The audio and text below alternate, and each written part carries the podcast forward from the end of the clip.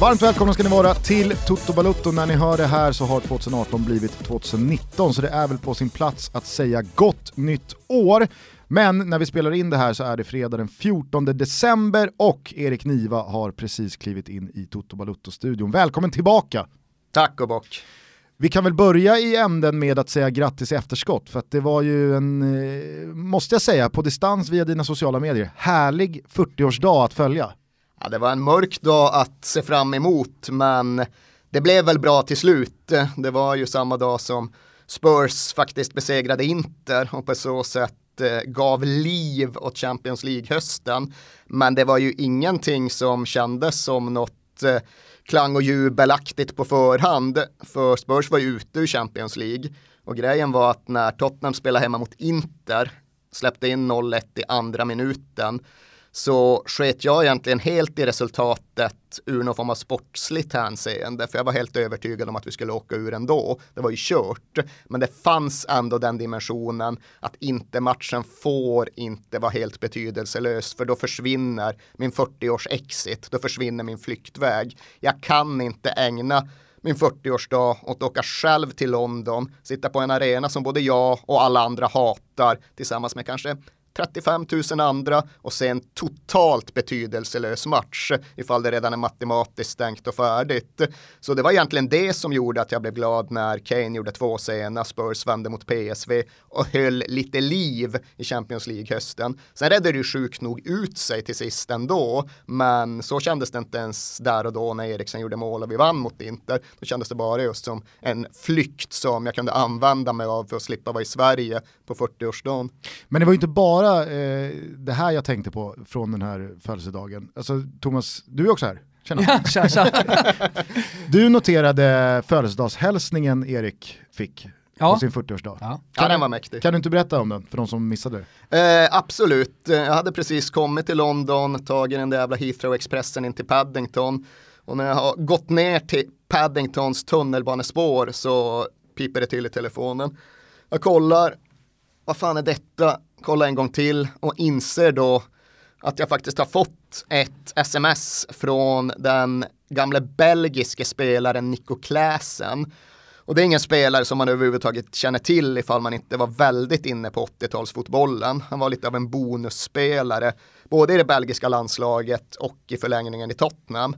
Men det som var grejen för mig var att han gjorde det mål som jag i efterhand kan titta tillbaka på och identifiera som punkten där jag blev Tottenham-supporter.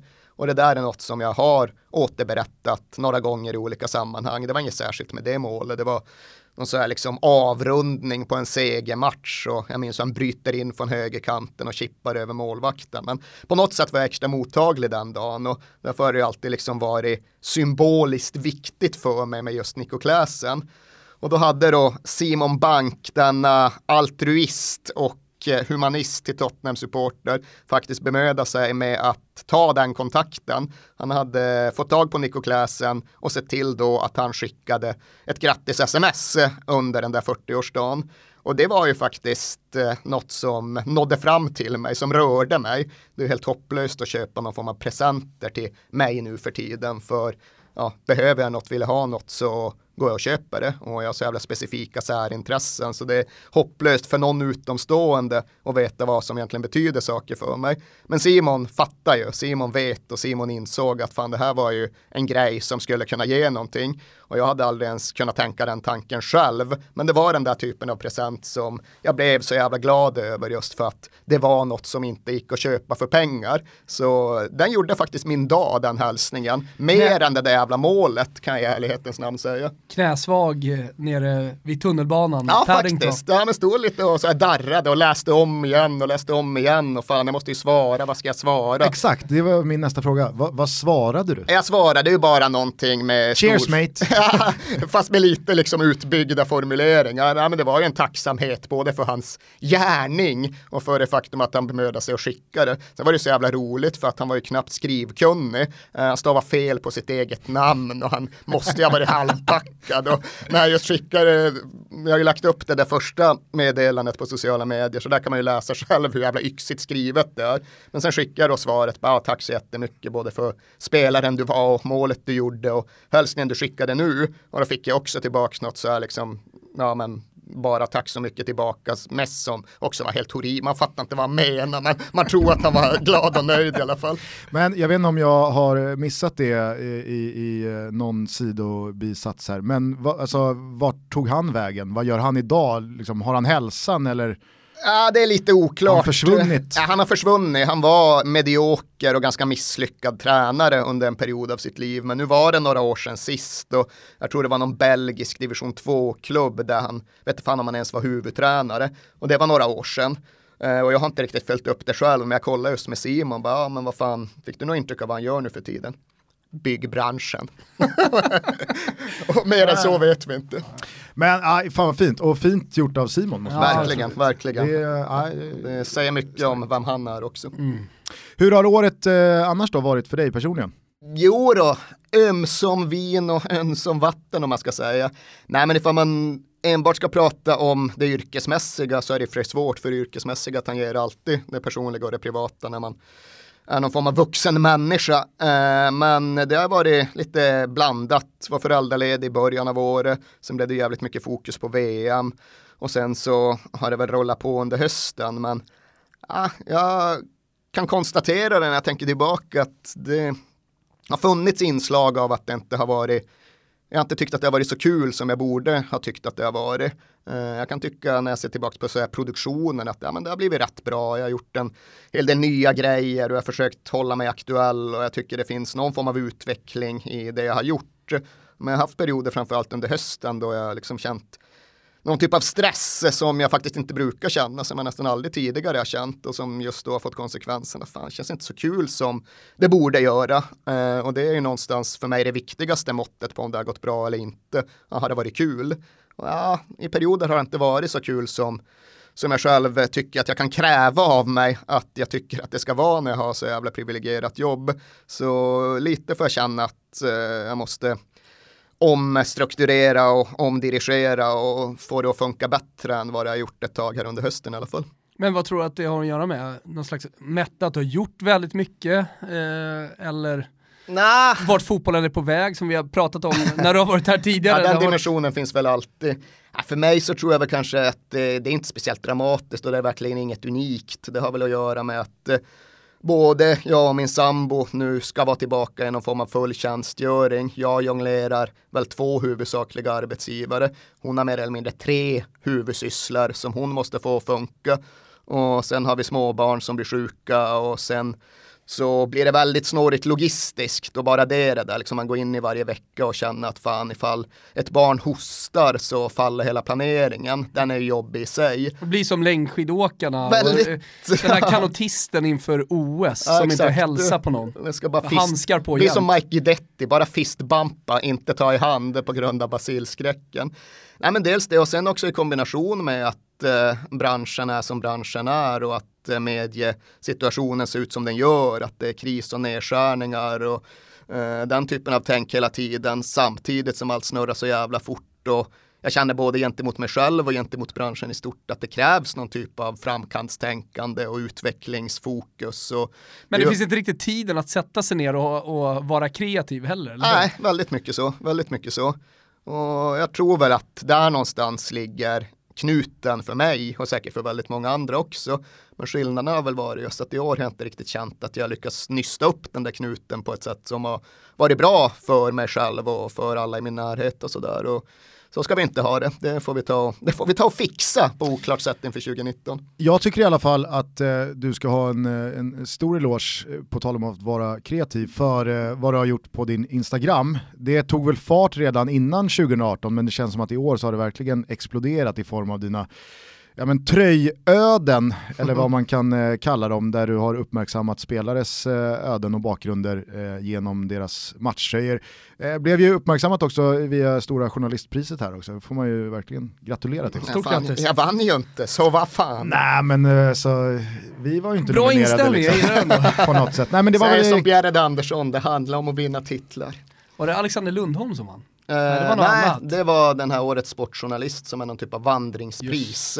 Där, där är det nog så, jag tror det, jag fattar så att har man vunnit en gång så är man diskvalificerad för all framtid. Det den- måste vara så eftersom du inte har två inristningar. Alltså, Så du har dragit den kopplingen. Hur brukar det vara liksom, om man vinner vandringspokalen tre eller fem år i rad så får man behålla vandringspokalen Mm. för att göra en ny. Den Ja, hade du haft då hemma. men är det en vandringspokal då ifall man får plocka hem den? Det vet jag fan. Ja men alltså, jag tror, i alla fall när jag växte upp här i Stockholm, att det, det fanns möjlighet att eh, för evigt få behålla vandringspokalen. Jag tror att den statuten i alla fall är så att den vinner man en gång och sen har man Brasilien sen fick väl mer. eh, den första Jämför det VM-bucklan. precis stora journalistpriset med SKS eller vad heter de? Nej, Det men var exakt vad det gjorde. brassarna fick väl behålla den första VM-bucklan efter Blandade guldet ihop vad 70. jag gjorde. Tre guld var det ju, sen fick man Ja. behålla. Det var ju något skit där också, att det var väl den VM-bucklan som en jävla hund grävde ner i Hyde Park i England och den var försvunnen. Nej just det, den var stulen och hunden grävde upp den, så var den. Sen tror jag ändå den försvann i Sydamerika något år senare. Det var någon, någon härva som slutade med någon nedsmältning och vad det nu var. Men absolut, den första VM-bucklan har ju Brasilien formellt sett rätt att behålla. Det var väl också länge så med den svenska guldbollen att man bara kunde vinna den en gång. Mm. Eh, och sen så blev det ju det där, det, det ställdes väl då på sin spets när någon skulle vinna den för första gången för andra gången. Och sen så eh, slaktade ju Zlatan den diskussionen för all framtid. Så att du kanske blir då eh, årets sportjournalist motsvarigheten till Zlatan att äh, fan vi måste ge den till Niva en gång till. Vi skiter i de gamla statuterna att man bara kan få den en gång. Jag tror att statuterna överlever mig, det kommer Bernt Rosqvist se till och det har han all rätt. Ja, vart var jag på väg någonstans? Eh, din Instagram har ju varit, eh, jag måste säga, otrolig, otrolig att följa. Det Ja, går kul. inte att börja läsa och sen sluta läsa innan du har satt punkt. Instagram tillåter ju bara 2200 tecken så så länge ska jag väl lyckas hålla någras uppmärksamhet i alla fall. Jag vet ju för att det finns den tonårsgenerationen som just bara ser att fan 2200 tecken, det här pallar jag aldrig. Men det är väl en mindre utmaning, även om formatet kanske inte är gjort för lång läsning, att behålla uppmärksamhet i 2200 tecken än det är i en vanlig jävla reportagetext som folk läser i mobilen. Men vad fan, ja, det är ju skitbra ifall det har blivit så. Det är klart att den Instagram-prylen är jag ju nöjd med. Dels för att jag, är ett, jag kunde rättfärdiga min tröjsamling genom att peka på att kolla här, jag publicerar ju en massa, det är klart jag måste ha tröjor. Eh, men också att ja, hela den där prylen där jag försökt åskådliggöra liksom, fotbollens mångkulturella kraft någonstans ändå har landat rätt i all sin elementära enkelhet. Det är ju inget särskilt drastiskt statement, det är ingen avancerad analys att göra att hävda att fotbollen är ett av de tydligaste exempel vi har på välfungerande mångkultur. Men det förtjänar ändå att göras, kanske i synnerhet då ett valår som detta, ett valår som ta mig fan aldrig tar slut. Ja, men jag tänkte säga det, alltså, gav det dig extra energi att det var valår i år? Ja, ja, det var det som, alltså grejen, jag hade ju slutat med de där tröjbilderna egentligen. För jag höll på i två år eller två säsonger och publicerade då olika klubbtröjor och berättade stories om klubbmärket och vad som låg bakom det. Sen låg det nere i ett år för jag kände att det hade nått vägens ände. Folk var trötta på formatet. Men sen var det just någonting i hela debattklimatet som fick mig att börja tänka i banor av att ja, men det här med fotboll och mångkultur kanske ändå är värt att säga. Och då föll bitarna på plats. Jag hade en jävla massa tröjor och många av dem tillhörde spelare med invandrarbakgrund. För många fotbollsspelare har någon typ av migrantbakgrund. Och då blev det liksom så att ja, men en månad före valet så drar jag igång det här och sen ser jag hur länge jag fortsätter, hur relevant det känns. Från början tänkte jag köra en månad, 30 eller 31 spelare och sen är det val och sen skiter jag väl i det. Sen blev det val och valet tog ändå aldrig slut. Ja, men då får väl jag också gnugga vidare. Men jag pallade inte att köra en om dagen längre för jag skulle börja jobba igen och då har jag inte tid att jobba.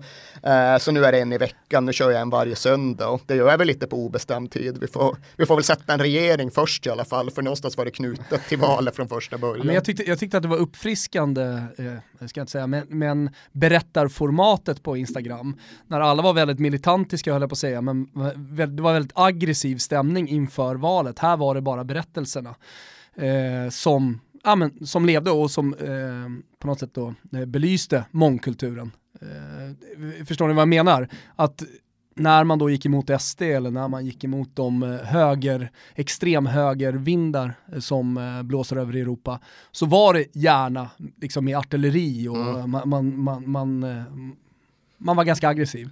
Medan det här var då berättelser som man läste, man förstod att det var ändå kopplat till det. Jag hade förväntat mig oerhört mycket mer intensiv moteld för jag har visserligen alltid sett mig som både en politisk och en ideologisk person, men jag har egentligen aldrig bedrivit särskilt ideologisk journalistik.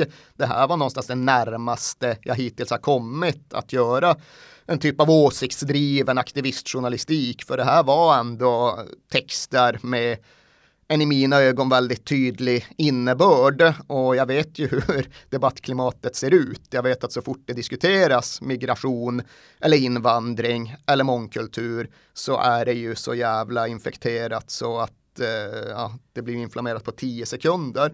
Så jag hade tänkt att jävlar nu kommer jag få ägna hela den här månaden åt att sanera trolldjungeln som kommer infinna sig i kommentarsfältet. Men det har varit jättelugnt. Och varför det är så, det vet jag faktiskt inte. Om det är för att Instagram är ett mer tillåtande medium eller om det är för att berättelsen inte har en så jävla aggressiv ton eller vad det är. Det är jag inte riktigt klar med att analysera, men det förvånade mig som fan. Jag skulle nog även kunna tänka mig att bolla upp anledningen till varför det såg ut så eh, på din Instagram att många oavsett eh, politisk tillhörighet tycker du är jävligt bra. Ja, men samtidigt eh, om man befinner sig inom den liksom politiska fåran där allt mångkulturellt ska bekämpas så tror jag att, eh, att det här också eh, borde vara ett jävligt rätt skynke. Eh, och nu är det inte så, ja, det är klart att det handlar om att preaching to the choir i hög utsträckning, men jag vet fan, det är väl typ 70 000 följare på det där eh, kontot numera och det är bara att konstatera att det är klart att en hög, eller en hög, men att en betydande andel av dem även har en annan politisk uppfattning, en annan politisk hemvist än vad jag har. Men det har ändå varit liksom lugnt och stillsamt. Och det kanske, det kanske hade varit bra om det hade varit en, eh, en livligare debatt, men jag ska inte förneka att jag är glad att jag sluppit den där liksom värsta pajkastningen och de avsiktliga missförstånden och eh, skyttegravskriget. Om vi nu eh, får någon eh, regering, eh, det, det återstår väl att se, men oavsett vad så ser i alla fall jag på dig som någon slags symbolisk integrationsminister. det, det förpliktigar, men det var fina ord. Mm, mm. Eh, med det sagt, eh, ryggdunket och artighetsfraserna avklarade så kanske vi ska ta tag i det som Erik är här för att göra. Ni som har varit med eh, Toto Balutto vet ju att eh, en gång per år i slutet av året, eller i början om man nu så vill, så kommer eh, Niva hit och eh, tillsammans då med en annan av Sveriges absolut främsta eh, fotbollskrönikörer, Thomas Wilbacher, och sammanfattar fotbollsåret som har varit.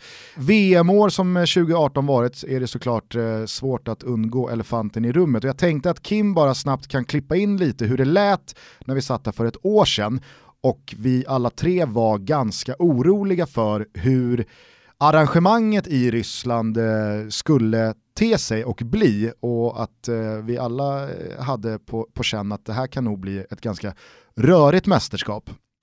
Jag vet inte fan om vi kommer kunna sitta och prata om just eh, VM-finalen när vi pratar om VM.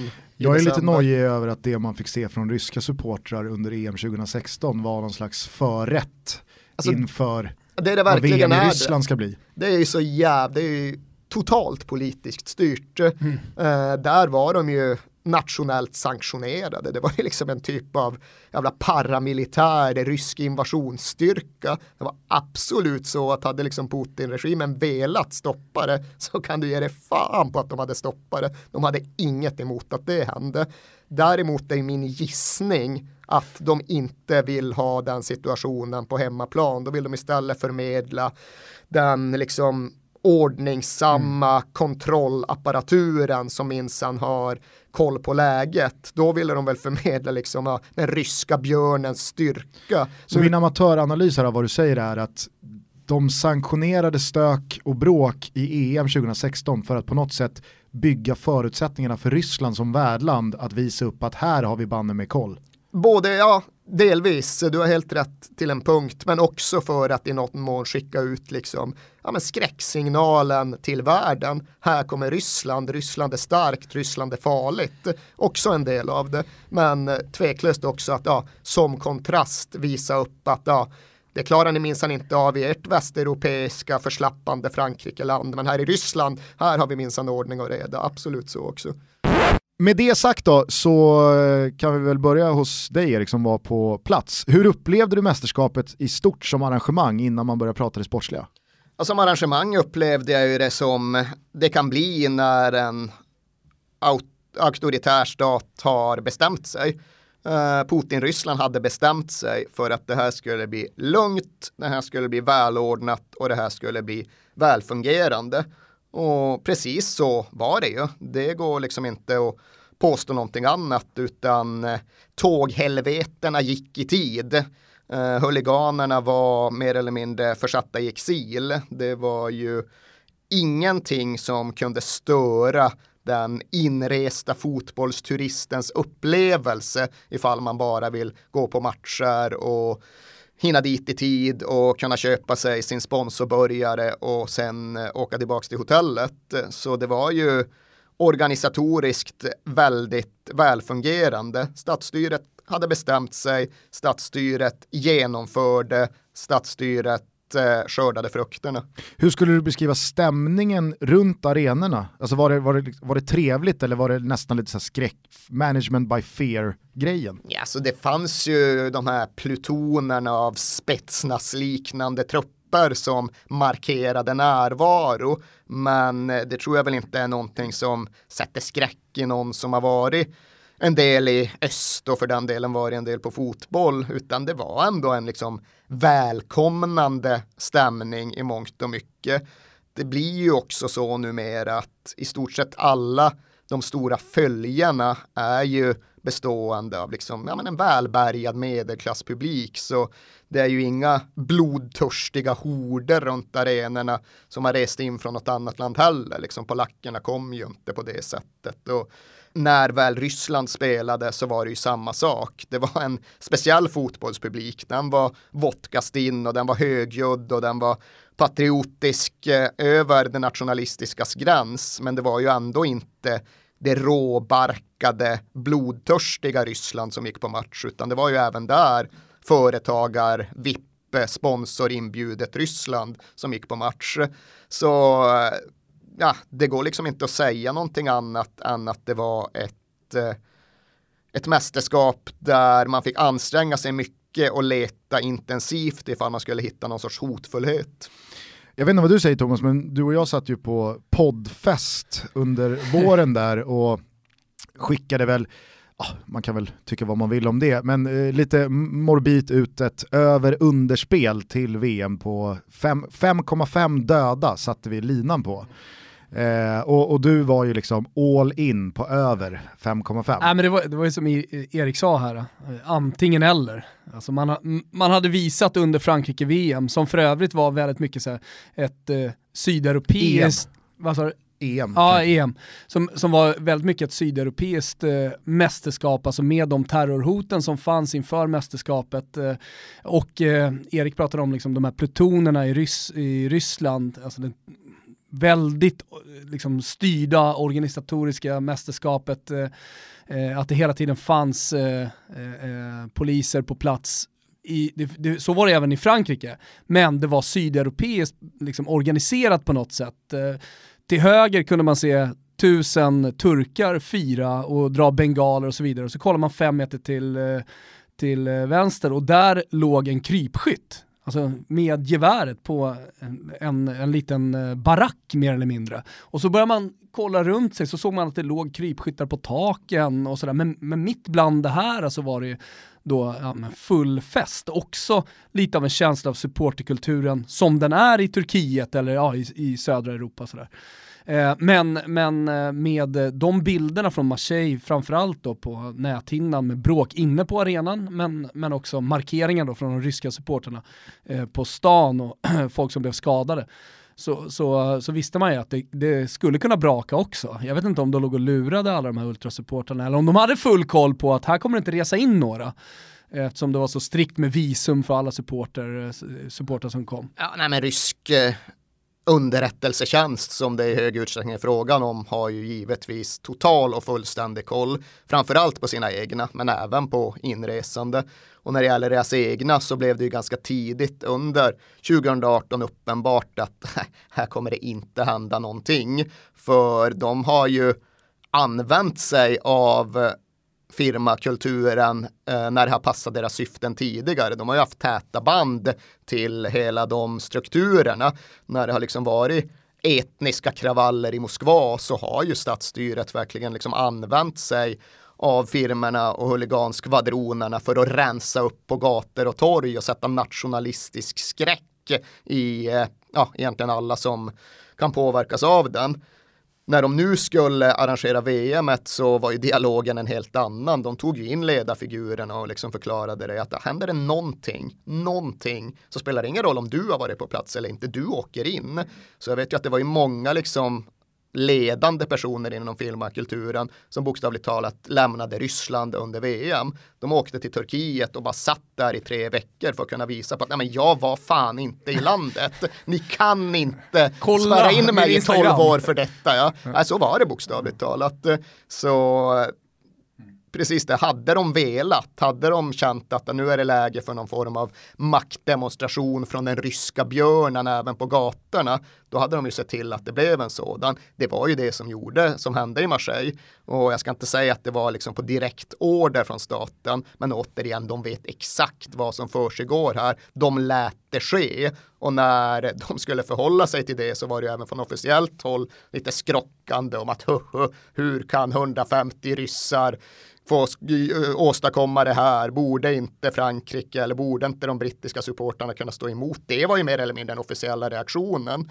Eh, så ja, oavsett eh, vad som hände eller inte hände så var det med statsapparatens fulla insyn och eh, inte bara samtycke utan eh, direkta liksom, kommendering. Men vad tyckte du om, eh, om det då? Alltså vad gjorde mästerskapet känslomässigt med det? Vi, inledde här med att det inte har varit så roligt år. Alltså var det ett roligt mästerskap? Jo. Alltså nu jobbade du såklart, ja. men du var också, om man följer dig, eller om man följde dig under mästerskapet så var du om dig och kring dig i, i, i, på den ryska tundran så att säga. Ja, alldeles för lite tundra, men ja. absolut, jag rörde mig i rik riket. Det var ganska många tusen kilometer. Jo, ja, det var många journalister som var på plats som inte rörde sig så mycket i riket och rörde sig mellan flygplatser. Och det har ju såklart en förklaring också att det var pressat med tid. Ja, men det, de följer Sverige en... uteslutande, det gör ju inte jag Nej. för jag tycker det blir för, för lite. Är det ett eget beslut? Det är ett eget beslut som jag driver, sen är det klart att jag inte kan bestämma helt själv, men jag har alltid drivit på. I, Hyfsat mycket själv. Jag har alltid drivit på i den riktningen. Man ömmade i alla fall väldigt mycket för Erik när han kuskade långväga för att se gruppfinalen mellan England och Belgien för att se sin älskade Harry Kane och två roterade lag placerade Harry Kane på läktaren. Ja fy fan vilket skit det var. Alltså, det var också just för då flyg vi, det var ju, om jag inte kommer ihåg helt fel, så var det dagen efter Sverige-Mexiko i Katrinenburg. Då kan man ju tycka att det hade varit skönt att bara ligga kvar och glassa i ljuset och skenet av ett avancemang. Men nej för fan, då hade jag bokat så att jag skulle från den östligaste spelorten, den enda som faktiskt låg bortom Uralbergen, till den västligaste, alltså Kaliningrad, som ligger någonstans ja, halvvägs in i Centraleuropa. Och då var det verkligen så att när jag väl hade flugit sovit på planen och försökt liksom hämta lite kraft så landade jag där och jag hade verkligen ingen aning om hur länge jag egentligen hade flugit för det är en massa tidszoner man passerar. Inget jävla begrepp om eh, hur lång tid man hade tillbringat på planen när man landade i Kaliningrad. Eh, men det var ju det som ändå räddade den dagen, för matchen var ju totalt innehållslös. Inte fan fick jag se Harry Kane den gången, men jag fick ändå se Kaliningrad och det vill ju alla. Vad fan, vill man inte se Kaliningrad så vet jag inte varför man lever. Så jag fick hänga där, kolla på deras missilbåtar i hamnen och dricka lite kvass. Det räddar ändå en VM-dag för mig. Men eh, som svar på Thomas fråga då, i stort, hur upplevde du VM? Vad var VM för turnering för dig? VM var ju trots allt ändå en så bra turnering som den kan bli i fotbollsåret 2018s tidevarv. Det kommer ju alltid med de här obligatoriska reservationerna kring värdnation, kring Fifa-struktur kring vad ett fotbollsmästerskap egentligen har tillåtits att bli vad gäller just den här evenemangsturismen snarare än någon form av organisk super, supporterkultur. Men när de liksom är avklarade så får man någonstans konstatera att utifrån det som finns kvar så blev det i rätt hög utsträckning så bra och så kul som det kunde bli. Det var inte så att det var livlösa, sterila arenor varje gång det var match. Det var ändå fan 40 000 peruaner där. Det var ju ett mästerskap som totalt dominerades av de syd och latinamerikanska supporterhorderna. Men på många matcher ändå hög stämning. Jag ska inte säga att det var så jävla bra fotboll, men det var händelserik fotboll. Mm. Det var ju spännande matcher, dramatiska upplösningar, eh, bra storylines. Eh, Eh, kul med Kroatien, kul med England, att de ändå åstadkom någonting. Kul med Sverige naturligtvis, naturligtvis. Så det var ett jävligt innehållsrikt VM och jag är liksom mer eller mindre hamnat där när jag behåller min bedömer min fotboll numera. Var det bra?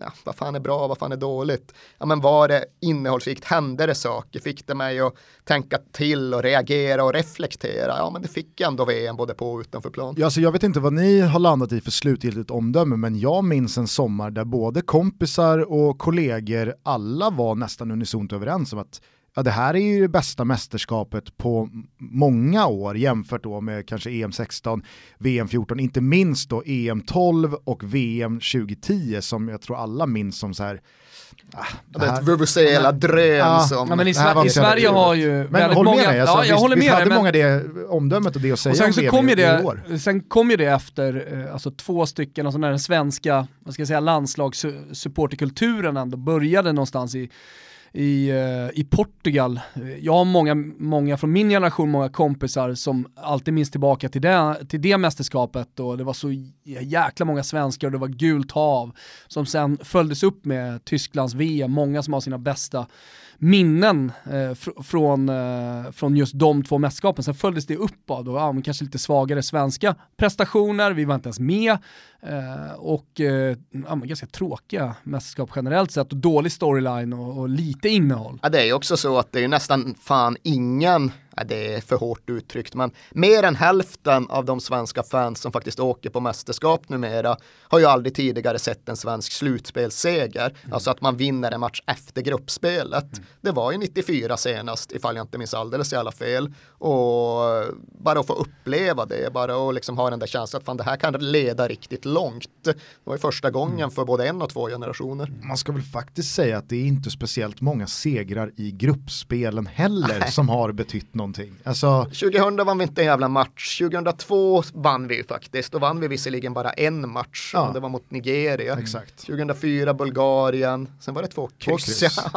2006, vad fan, måste... 2006 ja, så är det Paraguay. Ja. Det, det, är en match som många kommer tillbaka till. Ja, ja men den har också då 0-0 Trinidad Tobago, 2-2 eh, mot England och sen så är det liksom käftsmäll mot Tyskland. 2008, ja det är Grekland. Ja. Sen är det torsk mot Spanien, torsk mot Ryssland. 2012 vinner man en match men då är man redan utslagna. Ja, död, ja. Ja. Eh, och, och sen, det, det sen var man, senast. Sen måste man säga förutom 16 då, där vi Ja, vi skjuter väl vårt första skott på mål ja, men, i tredje matchen mot också, Belgien. Också den, Stort jubel den, eh, den kräftgången för landslaget, alltså de dåliga resultaten, gjorde ju någonting med vårt u landslag eller med supporterskapet till vårt u landslag eh, Ja, när vi gick till final och sen fick vi också åka till, till Polen och då såg man ju vad det hade gjort. Mm. Alltså det hade, hade ju skapat entusiasm och, och engagemang liksom från supporterna. Som hela tiden har spilt över när Sverige har varit med, även i EM. Då blev det ju stor fest också. Hela mästerskapsgrejen har ju någonstans, det känns som att den i hög utsträckning har varit fristående från framförallt allsvensk supporterkultur men även från någon form av så landslagsvardag. Verkligen. Det finns en jävla massa människor som inte pallar åka till Friends en tisdag i oktober som ändå är jävligt sugna på att planera in en mästerskapsresa. Mm. Men just det där med att det byggdes upp någon mer bestående grej runt de svenska landslagen. Det känns absolut som att U21-EM i Polen var viktigt där. För då var ju A-landslaget så jävla deppigt liksom. Det var ju verkligen när Hamrén-tiden var på väg neråt mot sin ände. Och det är 5-1 mot Österrike på Friends bara några månader bort. Men jag kommer ihåg att jag upplevde det så då och jag skrev det någonstans också att fan, liksom det ljudet från Polen, det var någonstans ljudet av när en landslagsnation började röra på sig igen. Och någonting finns det nog fortfarande kvar i det som är giltigt. Jag känner också så här, eh, när vi pratar om den här etablerade mästerskapssupporterkulturen för svensk del, har vi tackat Markoolio nog? alltså förtjänar han inte ett större tack för vad hans två låtar har inneburit för den här liksom Ja men, ja, men det fick ju en trallvä trallvänlig ramsa som inte var fylld med ja, men hat eller någonting annat, utan var bara trallvänlig. Fem bärs in, skön att sjunga och eh, den spred sig som en löpeld genom alla. Men inser väl vart ni är på väg med den här liksom samtalslinan. Nej. Det är ju att vi då ska sitta om fem år och undra i vilken utsträckning vi ska tacka nutidens Markoolios, som då är ni två, för den här nya vågen av landslagskult. Du, har väl, du har väl ändå hjälpt till att bygga myten kring Kanapå? Ja, kanske, men där tar jag inte på mig någon ära, den ska ni ha. Men såg du, eh, såg du eh, bilderna inifrån ja, eh, omklädningsrummet där i fotbollsgalan? Och tänkte just tanken, fan undrar hur ni känner när ni ser dem. Ja det var ju omtumlande måste jag säga. Ja, förstår jag. Att till och med Janne står där och bankar någon jävla eh, taktiktavla i eh, massagebänken. Och Ändå sjunger. tackade han nej nyligen för att komma hit. Ja. Men i vilken, utsträckning, i vilken utsträckning ni reflekterar över det, för det är ju inte obetydligt. Det går att värdera på olika sätt, men hela kanna på 100 000 man, hela den prylen, det är klart att ifall vi pratar om Markoolios betydelse de första åren av 2000-talet så kan vi inte låtsas som att det här är helt irrelevant. Jag vet inte, för mig är det så jävla svårt att eh, se på någonting man själv är en del av eh, med samma glasögon eller utifrån samma perspektiv. Det blir så surrealistiskt på något sätt och det känns så vulgärt att prata om någonting man själv har varit med och byggt upp som någonting som skulle ha någon slags betydelse. Sen så kan jag ju å andra sidan också ställa upp på att det har haft en betydelse. Eh, och där är det väl inte konstigare än så än att liksom, det, det kanske framförallt säger att Sverige är ett ganska litet land. Det går att göra väldigt alltså, st stora inom citationstecken saker eh, utifrån att det får stor genomslagskraft med att man man har en bra och fin relation med några betydande landslagsspelare, vi hittar någon slags eh, harmoni oss emellan och så spiller det över på att den breda massan tycker att det är, det är en skön och kul stämning som man gärna hakar på. Sen så tror jag att jag och Thomas också har en, en baksida här som är lite så här, vill, vill man samtidigt vara ja, det de som gödslar in kol i den kaminen. Vill man vara Markoolio? Jag märkte tydligt inför VM eh, när det nådde, du pratade om vägs ände och så vidare. Alltså, tidigare så har det bara varit hyllningar och vad roligt det här är. Eh, och sen så helt plötsligt så hade det då nått den svenska supporterkulturen. Alltså den svenska ultraskulturen. Eh, och där blev det ju tvärtom då. Gul och gul och som vi skämtsamt kallade eh, det svenska landslaget som också sedan blev lite minietablerat. Det fick någon slags töntstämpel över sig.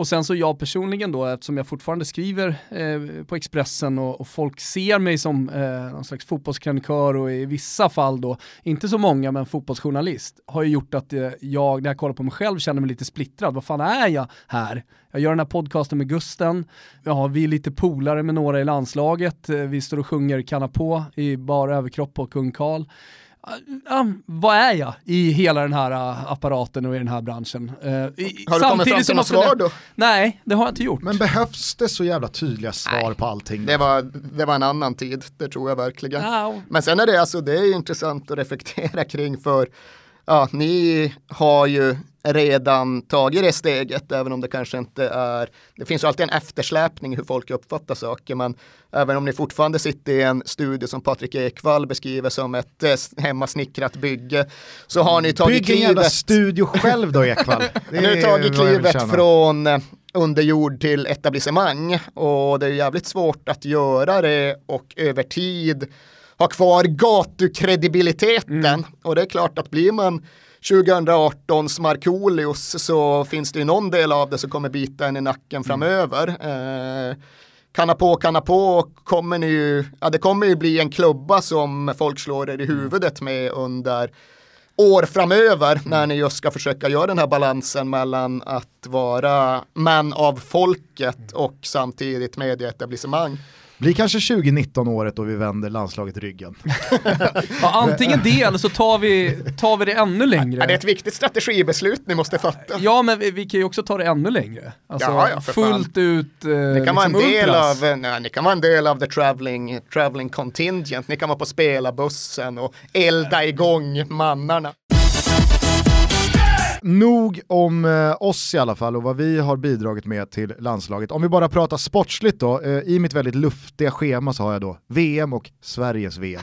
Starka Eh, punkter. innan, jag syr ihop, innan jag syr ihop den stora VM-säcken tillsammans med er, om vi bara kort fokuserar på Sveriges VM ur sportslig synpunkt. I efterhand så fanns det ju de eh, väldigt tunga namnen inom svensk eh, fotboll och kanske framförallt då svensk fotbollsmedia som menade på att det här kan ha varit någon slags pyrrusframgång för svensk fotboll, att vi har nått ett otroligt bra resultat, svart på vitt, men att man har gjort det genom en fotboll som i det långa loppet eh, för framtidens skull eh, kan komma att bita oss i arslet. Hur ser du på det Sverige uträttade på planen? Ska man bara se på en sån turnering och sådana fem matcher som eh, en, en bubbla att man bara kan få vara i och, och ha lite kul och njuta av? Eller är det en större diskussion? Diskussionen är väl alltid större, men när det kommer till A-landslag och när det kommer till hur ett A-landslag spelar fotboll och när det kommer till hur ett A-landslag uppträder i ett mästerskap så menar jag att det bara finns ett uppdrag och det är att nå så långt som det någonsin är möjligt i den där jävla turneringen med det material som finns till förfogande. Det finns absolut en diskussion att ha kring svensk spelmodell och svensk framtidsfilosofi. Men det är fan inte en diskussion som Janne Andersson ska behöva hantera inför en VM-åttondel mot Schweiz. Är det inte dags att öka possession-spelet lite grann? Nej, det är, inte, det är inte läge. Det är inte den personen som vi ska ha den diskussionen med. Det är läge att göra det som ger oss bäst chanser att vinna matchen. Där och då absolut, det är ett VM-slutspel, det är alltjämt det absolut största som finns inom fotbollssporten och då handlar det bara om att nå så långt som möjligt. Alla andra diskussioner är för en annan tid och kanske också för en annan person. Jag menar ju att det måste ju vara tekniska direktören och liksom ungdomslandslagsförbundskaptenerna och utvecklingsansvariga landet över som någonstans både kanske driver diskussionen men också skapar förutsättningarna för att A-landslaget ska spela en annan fotboll. Även om nu Kristoffer Olsson har fått spela en del och gjort det helt okej okay, så går det liksom inte att hävda att det fanns de där undanskuffade juvelerna som Janne Andersson hade kunnat ta in i landslagstruppen och på så sätt spela en annan fotboll med och nå minst lika bra resultat. Det är ju helt uppåt väggarna. Det är sinnessjukt att Sverige ens gick till VM med den spelartrupp som vi hade. Med det motståndet vi fick. Exakt. Fullständigt extraordinärt att eh, gå till en kvartsfinal i turneringen. Synd som satan att de inte presterade normalt och gjorde sig själva rättvisa i kvarten men totalt sett en hisnande framgång utifrån hur jävla torftigt eh, utgångsläget faktiskt var när Janne Andersson först började jobba. Så jag tycker liksom att den diskussionen hamnar fel. Jag fattar absolut varför man har den. Den är berättigad och den eh, ska vi verkligen lyssna på och kanske arbeta utifrån också. Men den går inte att liksom vända mot Janne Andersson och hans A-landslag runt ett VM-slutspel. Det blir skevt som tusen. Eh, utifrån vad du kan eh, referera till och jämföra med, hur värderar du Sveriges eh, resultat och framgång i sommar? Ja, det är ju såklart det största sedan 94. Det är ju helt odiskutabelt. Eh, på ett sätt kanske är lite jämförbart med EM 92. Det blir ju ingen pricksäker jämförelse för det mästerskapet är ju så mycket mindre. Det är så mycket färre matcher. Sverige behövde inte ens kvalificera sig. Men det var lite samma känsla av att nå längre än någon på förhand hade kunnat tro. Annars så måste vi väl tillbaka till VM 74 och där får jag ju lov att erkänna att jag inte riktigt har den detaljkoll som jag borde ha, men det brukar väl hävd, det brukar refereras till som en femte plats och där var vi verkligen och störde de allra bästa och Ralf sköt på volley och vi spelade piano. Det är nog, tror jag, det är liksom närmaste vi kommer någon form av jämförelseobjekt. Vet ni vem eh, den enda som har tagit då en femteplats från sommarens VM i sin mun är? Janne. Ja det är Janne. Vi är femma i världen. Ja, jo, han brukar väl, brukar väl säga det. Ja, det, men Eh. det tycker jag han är rätt att göra. Var du på plats eh, på alla svenska matcher? Absolut. Vilken var din enskild eh, liksom, starkaste stund? Vad, vad, vad var det, det svenska VMet för dig? Alltså, Koncentrerat ner i, en, i ett ögonblick. Ja, det blir fel den starkaste stunden. Det är ju bisarrt nog när Tony Kroos gör mål. Det var den som fick mig att känna starkast. Och det kanske säger mer om mig och hur jag fungerar än någonting annat. Fan, du skulle varit på hotell Kung Karl den kvällen också. Jag, alltså, det är ju svårt att jämföra med att vara på plats och sådär. Men så som en luft kan gå ur ett ställe, alltså det var sån... Ja, för där kändes Ja. det också så att ja, nu, det här Ja. går inte att resa sig ifrån. Slaget är för hårt. Det är över nu. Så på så sätt är det ju inte det svenska VM-sommaren i koncentrat. Det är ju i mycket högre utsträckning ja, men Granqvists Mexikostraff då. Det blir liksom sammanfattningen att just han går fram och nitar dit den i krysset med så jävla övertygelse. En Harry Kane-straff. Ja, det var ju faktiskt exakt vad det var. Och att det verkligen underströk att ja, men vi är fan mycket bättre än ett Mexiko som bara en vecka tidigare har skenat över världsmästarna från Tyskland. Jag vet inte om jag tar för stora ord i munnen då, men jag skulle hålla den insatsen över 90 minuter mot Mexiko som den bästa landskamp jag har upplevt. Ja, eh, jag tror att jag skrev där och då, ja, men det är bästa sedan 94, men det är ju lite en fegisformulering. För om man ser till enskilda matcher 94, ja men vilken var så jävla outstanding? Visst 4-0 mot ett svinbakfullt Bulgarien i en bronsmatch som de sket i. Det var jättebra. Jag har dock genom min nyfunne vän Ola Lidmark Eriksson lärt mig för att han har tittat på den här matchen igen och liksom, alltså visst, vinnaren skriver historien, men jag tror att hade några lägen. Exakt, det menar ju han på att det är helt otroligt att den matchen slutar 4-0 till Sverige för att Bulgarien har så jävla mycket lägen i den matchen att liksom skriva ett annat resultat på tavlan. Ja, grejen är att det fanns ju inte den där riktiga skåpställarmatchen i VM 94 förrän bronset. Visst, det var ju starkt att slå OSS eller vad fan de kallar sig då på ett ganska övertygande sätt, men det var inte det var ju mer en, de vände ju den matchen, det var ju liksom en vändning och Saudi-åttondelen, ja, det var ju faktiskt inte så jävla imponerande. Och Rumänien var ju episkt på alla sätt och vis, men det var ju en liksom batalj mellan två jämbördiga motståndare. Men precis som du säger, det där går in och verkligen bara städa av ett dels högmotiverat och dels bevisligen jävligt slagkraftigt landslag i en måste-match. Nej, vad skulle vara jämförbart? Kanske Bulgarien eh, EM 04, alltså den här 5-0 vinsten, men å andra sidan Bulgarien jämfört då med Mexiko Exakt. Tycker jag också talar till årets match Ja, för men motivation och, och allting såklart också. Ja, Bulgarien är många saker, men de är fan inte bäst i världen i motgång heller. Ja, som din nyfunna vän säkert kan underbygga, släpper de in två mål och upplever att det är lite kört så, Exakt. så får det konsekvenser på deras Sitter prestation. Alltså det han ska på- göra under julen, att gå igenom Bulgariens matcher sedan 50-talet. Sitter lagkaptensbinden på en Dimitar Berbatov så vet man att Undrar om Har är hög när det väl går emot. Undrar om Där- någonsin har vänt ett underläge i det bulgariska landslag. De kan ju aldrig hämta upp ett tvåmålsunderläge, det kan inte ha Vet du vad de måste göra? De måste hitta DNA från någon bulgar som de kan ta in i, i uh, kaptensbinden. Ja, kanske. Stiljan Petrov, Ja, fan. där fanns fin det, där fanns det en eh, lagkapten.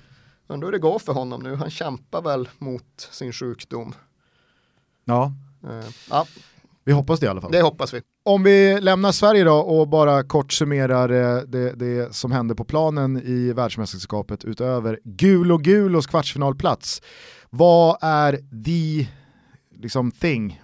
Alltså den största storyn var ju Kroatien. Eh, det påverkas inte så jävla mycket av att de inte vann finalen. Det är klart att den hade svällt ytterligare några nivåer, men storymässigt så var det större att Kroatien gick till final än att Frankrike vann den. Och ska jag ranka så är det väl någonstans, ja men Kroatien etta, Mbappé tvåa, eh, Englands återuppståndelse trea, där någonstans eh, tar jag ur, ur frontloben och säger att liksom VMs tre stora st- största stråk ligger. Med all din eh, ackumulerade erfarenhet och kunskap och känsla för fotbollen, att Kroatien går till VM-final och på det sättet man gör. Alltså det var ju väsensskilt från till exempel hur Grekland vann ett EM-guld 2004. Alltså hur, hur rangordnar du den bedriften eh, i den moderna fotbollshistorien? Ja det är just det där med moderna som ställer till det för då går det inte riktigt att prata om när Uruguay vann VM på 50-talet. Det är också ett stort jävla snark. alltså liksom, Uruguays framgångar VM 50, no offense Niva, men det är läge att gå vidare. Fan, apropå storylines, Barbosa va, målvakten som schabblar in bollen ja. inför 200 års tusen åskådare. Vad är det de kallar den? Demonen från Maracana? Maracana-spöket? Uh, Maracanazao som sen blev Mineraizao och allt vad fan det är. Han det är brände det... ju upp målstolparna i en ritual i sin egen trädgård det... för att begrava demonerna men dog ändå olyckligt. Och jag säger bara snark igen. Alltså. det, är, det är begrav den där delen av, av ditt, när, av när ditt börjar, värv. När börjar fotbollen? Vad säger du Thomas? När du är ju med mig här. Nej, jag, är med, jag, är, jag har också ett ben i Niva-båten här så jag, jag står emellan. Uh, men jag, jag, förstår också vad du menar Gusten. Den moderna, Nej, så här, vad, så här, den, jag moder vet, den moderna fotbollen börjar med Johan Cruyff. Du är en sådär som egentligen ändå tycker att det är relevant att bara räkna mål i Premier League liksom. Ja, men det, det jag skulle vilja säga Nej, jag vet inte, du får utveckla om du vill sätta mig på plats. Här. Nej men det är ju nu för tiden vedertaget att ja. man pratar om att Alan Shearer är den bästa målskytten i Premier Leagues historia och så raderar man bara drygt hundra år av engelska högsta ligafotboll fram till dess. För då var det inte Premier League. Nej exakt, all engelsk statistik som numera används är ju den som börjar 1992. Så för dig är liksom Svarte Filip, Absolut. Det, det, det, det, det, är nummer, det är nummer ett. Kan inte bara radera honom för nästa, nästa steg i den utvecklingen, vet du vad det är? Det är när Optas statistik börjar. Ja, alltså typ så 2004, det är där de har statistik ifrån, data. Ja, så finns det ju fortfarande just att ingen har löpt så mycket i fotbollens historia, asterisk, sen Opta börjar mäta. Sen liksom. Opta börjar mäta. Så det finns, nej men, eh, man pratar ofta om 50-tal, eh, och nu pratar jag bara om Sverige. Man pratar ofta om Johan Cruyff och den holländska totalfotbollen, 70-tal. Jag just raderar just Pelé, han finns inte. Nej men det vilka, roliga är... Vilka, alltså, det är ju en åsikt som har blossat upp att det, det, den frågan kanske är värd att ställa. Fanns egentligen Pelé? Har du, har du satt in i, i, det? Jag noterade att det fanns en Twitter-tråd med liksom rubriken “The biggest fraud in football history” eller något i den till stilen. Ja. Jag vet inte om det är där vi utgår ifrån. Exakt. Ja. jag läste inte igenom ja, men, allt men jag, jag, jag, vi liksom, underbygga jag det där insåg lite. att konspirationsteorin som alltså etableras här nu i mitt medvetande, det är att Pelé har någonstans bluffat sig till sin episka ställning inom fotbollshistorien för att Folk men vet du vad problemet är här, här tror jag? Riktigt. Vet du vad problemet är? Alltså 50-talet pratar vi väldigt mycket om och Sverige 58 eh, gick hela vägen till VM-final. Vi hade de första stora exporterna med Grenoli, eh, Hamrin, eh, Selmosson och så vidare. Eh, men sen hoppar vi gärna till 70-talet och den holländska totalfotbollen, Johan Cruyff, eh, Ralf Edström. Vi, vi har lite, i alla fall eh, om jag liksom blickar tillbaka på hur, hur, man har disk eller hur man diskuterar fotboll i, i, min närhet i alla fall, att man pratar väldigt sällan om 60-talet. Är det så hos er också eller? Nej, vad fan, finalen 66 eh, var bollen över linjen, aseriska domaren får en egen arena i sitt namn, hundjävel gräver upp pokalen i Hyde Park. Nej, jag vet inte ja, grejen är att så jävla fängslad och fascinerad av historien är jag väl egentligen inte. Men VM 62 är ju VM-historiens svarta hål. Ja, den är inte så jävla stark. Det är ju Garinchas VM och där är liksom slaget i Santiago. När folk... Garincha som egentligen var den bästa fotbollsspelaren under Pelé. Jag antar att det finns epoken. i Gustens Twitter-tråd, den åsikten. Garincha kunde i alla fall spela fotboll. enligt enligt Kurt Harim som var, Kurt var bäst. Fan, ni vet väl också grejen med Garincha. Det här känns som att, ah, det vågar jag inte säga för att det är så självklart. Men ja, låt oss accepterar jag, jag att era lyssnare kanske inte riktigt är. Han var både kobent Exakt. och hjulbent. Ena benet kobent och andra hjulbent. Går inte att stoppa. Det är liksom så här Tommy Söderberg 2.0. Min grej med Garincha är att Kurt Hamrin fick en tavla av Viola Club Scandinavia, eh, där Jakob Nilsson, superskribent på Svenska fans en gång i tiden, nu borta. Någonstans i Marseille han. Eh, i alla fall, det är en stad där man försvinner. Ja, men det är en stad där man försvinner. Och eh, vi ger över här och han vet inte vad han ska göra så han, han känner någon slags tacksamhetsskuld. Åh, den var så fint skriven, fin tavla eh, som vi hade gjort åt honom. Så han liksom bara hänger ner en eh, tavla på Garincha, eller ett foto på Garincha som är inramad, eh, där Garincha då har skrivit en hälsning till Kurt, för de var vänner under den tiden och hördes och så vidare, eh, och ger till mig. Så jag tar den liksom under armen och känner mig, jaha, ska jag gå hem med den där? Frågar Marianne, hans fru, ska jag verkligen? Ja, ja, ja, den är numera din. Och den är alltjämt din.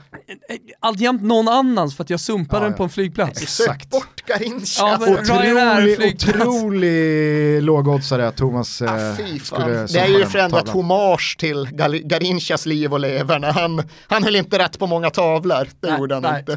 Men jag accepterar att det här kanske inte är det starkaste segmentet i podden för er målgrupp.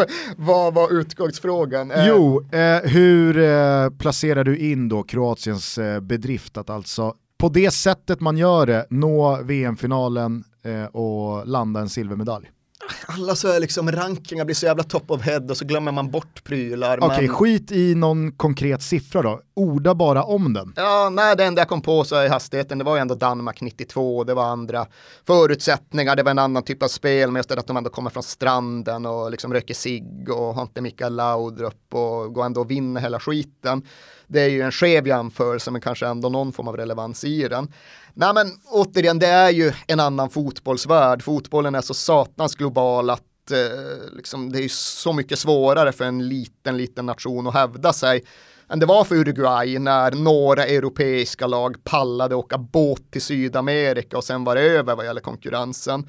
Så det är ju fullständigt hisnande. Eh, det blir ju liksom, det är också, den är konstig den kroatiska framgången, för även om det alltid går att hitta förklaringar till deras bolltradition i det jugoslaviska utbildningssystemet och så vidare, så går det inte riktigt att peka på någonting i det kroatiska som någon annan kan kopiera. Det finns liksom ingen struktur, det finns ingen organisation, det finns ingen filosofi.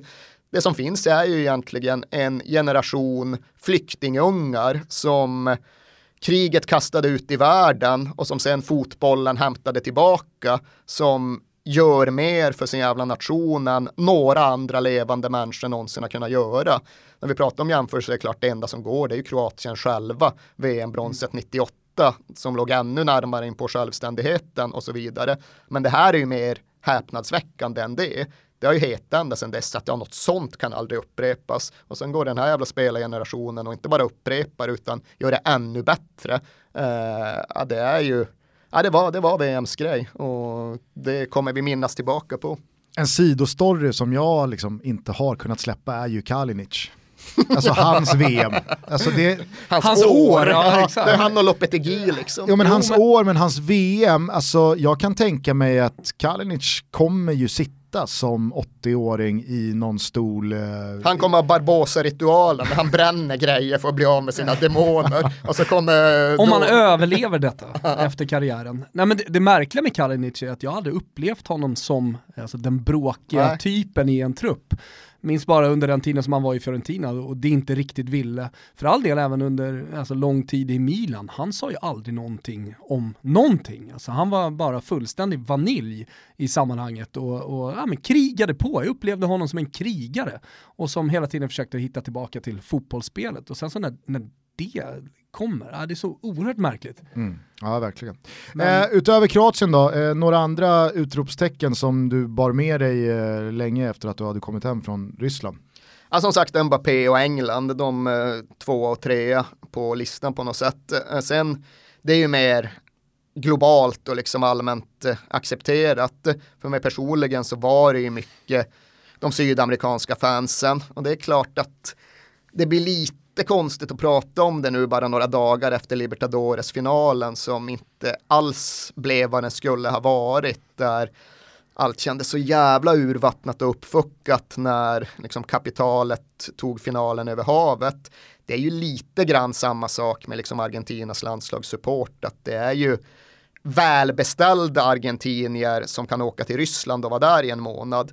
Men lik förbannat så är det ju ett tryck i dem som inga andra kan mäta sig med. Jag har varit på vad är nu, fyra VM, Argentina har ju dominerat vartenda ett av dem de är liksom överlägsna. Men det är djupt rotad supporterkultur som också då spiller över på exakt, de andra. Exakt. Dit jag på något sätt tycker att den svenska supporterkulturen är på väg. Nu är det ett sidospår. Nej men det är ett giltigt påpekande, ja. absolut. Det är inte så att man måste vara working class eller komma från fattigkvarteren för att kunna stå på en ståplatsläktare och skvätta med händerna och sjunga argentinska sånger. Det kan även en välbeställd medelklass från Argentina göra. Och dessutom eh, i den supporterkulturen eh, så finns det ju väldigt många av de här ramserna som ofta under klubblagsmatcher också sprider ut sig så att hela arenan sjunger. Absolut. Alltså, det finns, det finns en sån Totolo Stadio, hela arenan ska sjunga tillsammans. Alltså det, det sker ju hela tiden. Och är det då dessutom liksom framgång, medvind eller tvärtom motvind ja. när, när, laget behöver stöd, då sluter hela arenan upp. Och det, det ligger så djupt rotat i supporterkulturen som gör, tror jag, liksom att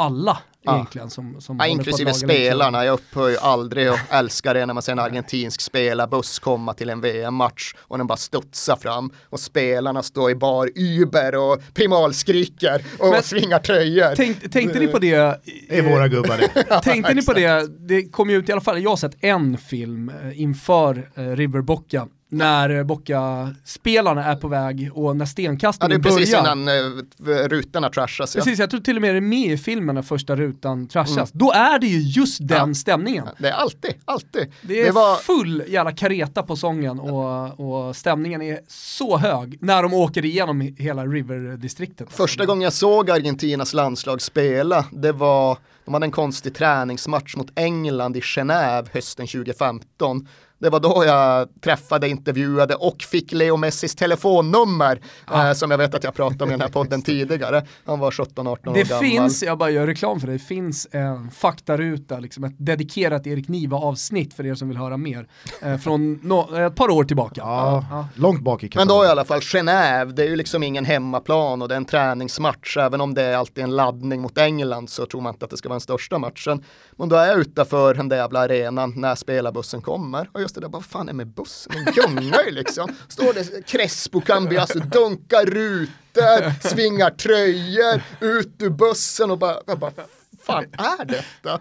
Och det är ju alltid liksom, jag vill alltid försöka se när argentinska spelarbussen kommer om jag är på en mästerskapsmatch. Eh, så den prylen just, de har ju dessutom varje mästerskap lyckats de ju sätta en ny sång som blir signaturmelodi, inte bara för dem utan för hela läktarmästerskapet, gjorde de nu också.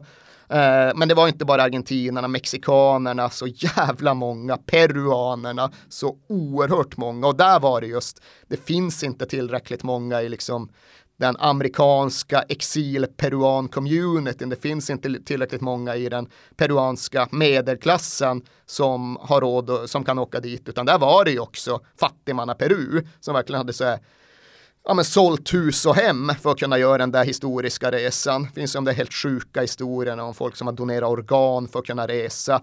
Han som inte fick biljett där utan åt upp sig typ 100 kilo för att få en handikappplats på arenan för de var det mindre tryck på. det är så, och det ska ju tydligen stämma. Det var någon som satt... Fan, ja men så, kolla aldrig bra historia, det är klart som ja, den fan ja, det den, stämmer. Den är kollad, den, stämmer. Method acting goes method supporting. ja, men det, bara att komma på tankar, hur fan ja, löser jag det här? Ja, men checka upp med 80 kilo, då får jag en handikappplats. Men bara kort innan vi avslutar den här eh, första delen och sätter punkt för eh, VM 2018. Eh, eh, Kylian Mbappé där, vi eh, ställde ju den här frågan för ett år sedan i samtalet med Niva om arvtagaren, tronarvingen, verkligen var född. Då lät det så här. Den nya frälsaren är här. Kylian Mbappé kommer lyfta minst tre guldbollar. Uh, det tror jag du har helt rätt i. Det är ju det absolut närmaste vi har sett original Ronaldo sen original Ronaldo breakade. Och original Ronaldo fick ju aldrig bli den Messias-figur han borde ha blivit och då uträttade han sannoliken en hel del i sin karriär ändå. Vinner VM-finaler, halvt på egen hand och så vidare och så vidare. Men vi kan väl säga att Mbappé ska liksom bli alltid den första riktiga Ronaldo skulle ha blivit och det var ju inte lite. Så för helvete, han kommer att eh, lyfta den tre gånger om. Vad skulle du säga? Nej, jag håller med. alltså sen, sen är ju frågan hur, hur eh, utvecklingen tar sig i PSG, vilken plats han får. Det har alltid varit ett litet problem. Eh, nu lyckades Barcelona hantera det jättebra med Neymar, Messi och Suarez. Det är till och med så att man ser, en luck, man ser verkligen luckan nu när, när Neymar har försvunnit. Eh, och man ser en plats för Coutinho och allt det där i, i Barcelona. Eh, och det, det kanske tar lite längre tid än vad jag hade förväntat mig med Mbappé och jag vet inte ens om det är i PSG han ska göra det, men, men jag ser det framför mig. Ja, det var ju verkligen, eh, alltså om någon nu tvivlade fortfarande så var det väl en uppvisning från Mbappé som sa att jag är här nu.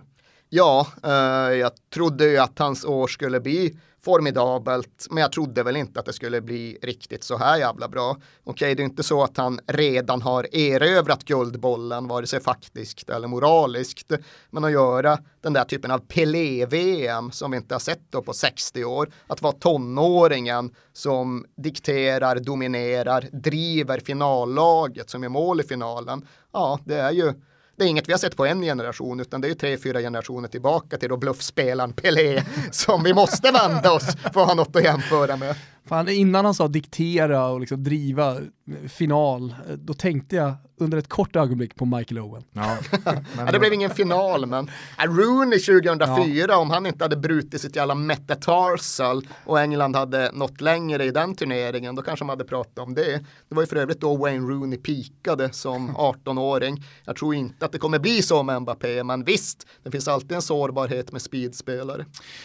Eh, håller du med om att eh Mbappé, ah. alltså visst, jo, men... Luka Modric VM går ju inte att blunda för. Nej. Det finns andra spelare, inte minst i Frankrike, som man kan prisa, men Mbappés VM var ju, i alla fall på individuell nivå, Alltså det, det, det, det, var ju det jag tog med mig. Nej men idag när man förfinar främst. talanger, eh, och jag menar det finns så mycket, fant många fantastiska fotbollsspelare, eh, så är det ju svårt att hitta en som är unik.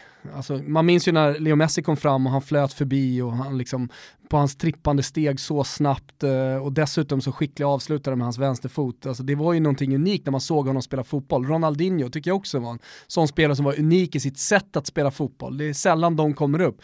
Eh, den riktiga Ronaldo, också unik eh, i liksom sina överstegsfinter i extrem fart. Jag tror inte att vi har sett dem det blev ju trendigare sen att stå stillastående och stå och hoppa över bollen. Skolan. Det är Nilsson som sen blev Ronaldo kanske också. Eh, men, men Mbappé är ju unik i sitt sätt och hans, hans eh, kraftfulla steg eh, som funkar på långt och kort och dessutom en skicklig avslutare. Så det, det, det, är sällan det dyker upp unika spelare. Det finns många fantastiska, allt från Hazard till Salah, men, men Salah blir fortfarande lite av en eh, Messi light. Eh, de har lite av samma spelstil, utgångsposition på planen, vänsterfötter, eh, men han kommer ändå aldrig nära Messi. Mbappé, han har, han har ytterligare någonting då som han inte har sett tidigare och det är det jag, jag gillar. Men det också, ska man prata enskilda ögonblick från VM så är det klart att det finns 40 olika mål man kan fastna vid och det finns andra dramatiska sekvenser. Men frågan är väl om inte det allra starkaste är den här jävla ruschen när Mbappé spränger ljudvallen mot Frankrike. Han vaskar väl fram en straff. Mot, när mot Argentina. Mot Argentina såklart. Vaskar väl fram en straff av den. Och då var det just den där att fan nu drog han iväg till en nivå där han verkligen inte går att stoppa. För ja, det var just det, fan det här har jag knappt sett. Finns alltid igen, för det finns just original Ronaldo gjorde ju en motsvarande rush. Robben gör ju en liknande mot Sergio Ramos i eh, premiären eh, VM 14 när Holland slår Spanien. Men jag har fortfarande inte sett den matchen, jag satt i en taxikö i Natal och lyssnade på brasiliansk radio. Ja, nej men då, det, det var verkligen liksom så här, eh, Mbappés version från i somras är det målet 2.0, eller han fixar ju en straff, men alltså den löpningen, eh, för det är verkligen, jag kommer ihåg det här för fyra och ett halvt år sedan, att så här, fan det, det, det, det, Robben slaktar ändå Sergio Ramos här i den här löpduellen. Och om jag inte minns fel så är det väl Otamendi eh, som Mbappé blåser förbi. Ja, det är ju några stycken. Det är Men det är Otamendi som är liksom så här, han blir rundningsmärkt, han blir mm. som en boy. Och man känner att det, det, är ingen, det är ingen långsam spelare. Eh, så att de, de var verkligen så lika i, i den här ikoniska... så Marcus Antonsson, Antonsson såg ut när han mötte Vida. Mm. Ja, det, det också. Men eh, är, är, det, är det orättvist då att landa i att eh, VM 2018 för både svensk del och eh, liksom för VM eh, i stort var ett av de bästa du upplevt? Eh, nej för helvete, det är frågan ifall man bara ska hamra fast spiken och säga att det var det bästa jag upplevt. För mig är 2006 jävligt speciellt för att det var mitt första på plats och jag minns det också som jävligt eh, innehållspackat. Misstänker att Thomas känner ungefär samma mm. sak för den turneringen. Men eh, ja, sen dess har jag gjort alla mästerskap och det finns inget annat. Jag skulle nog säga Ryssland etta, Tyskland tvåa, Brasilien trea. Det är mina mästerskap och det blir ju då, vad fan blir det, de sju, åtta senaste någonting. Mm. Eh, med det då så kan väl superproducent Kim Wirsén rulla igång eh, Markoolios in med bollen. Eh, så tar vi en liten paus på några dagar och sen så fortsätter vi summera fotbollsåret 2018 tillsammans med Erik Niva. Yes! Ja, det här är Tom och Lasse, svenska fotbollslandslaget och så fotbollens Einstein, Markoolio, som har gett oss verktyget, segerreceptet, in med bollen i mål. Vi kör nu!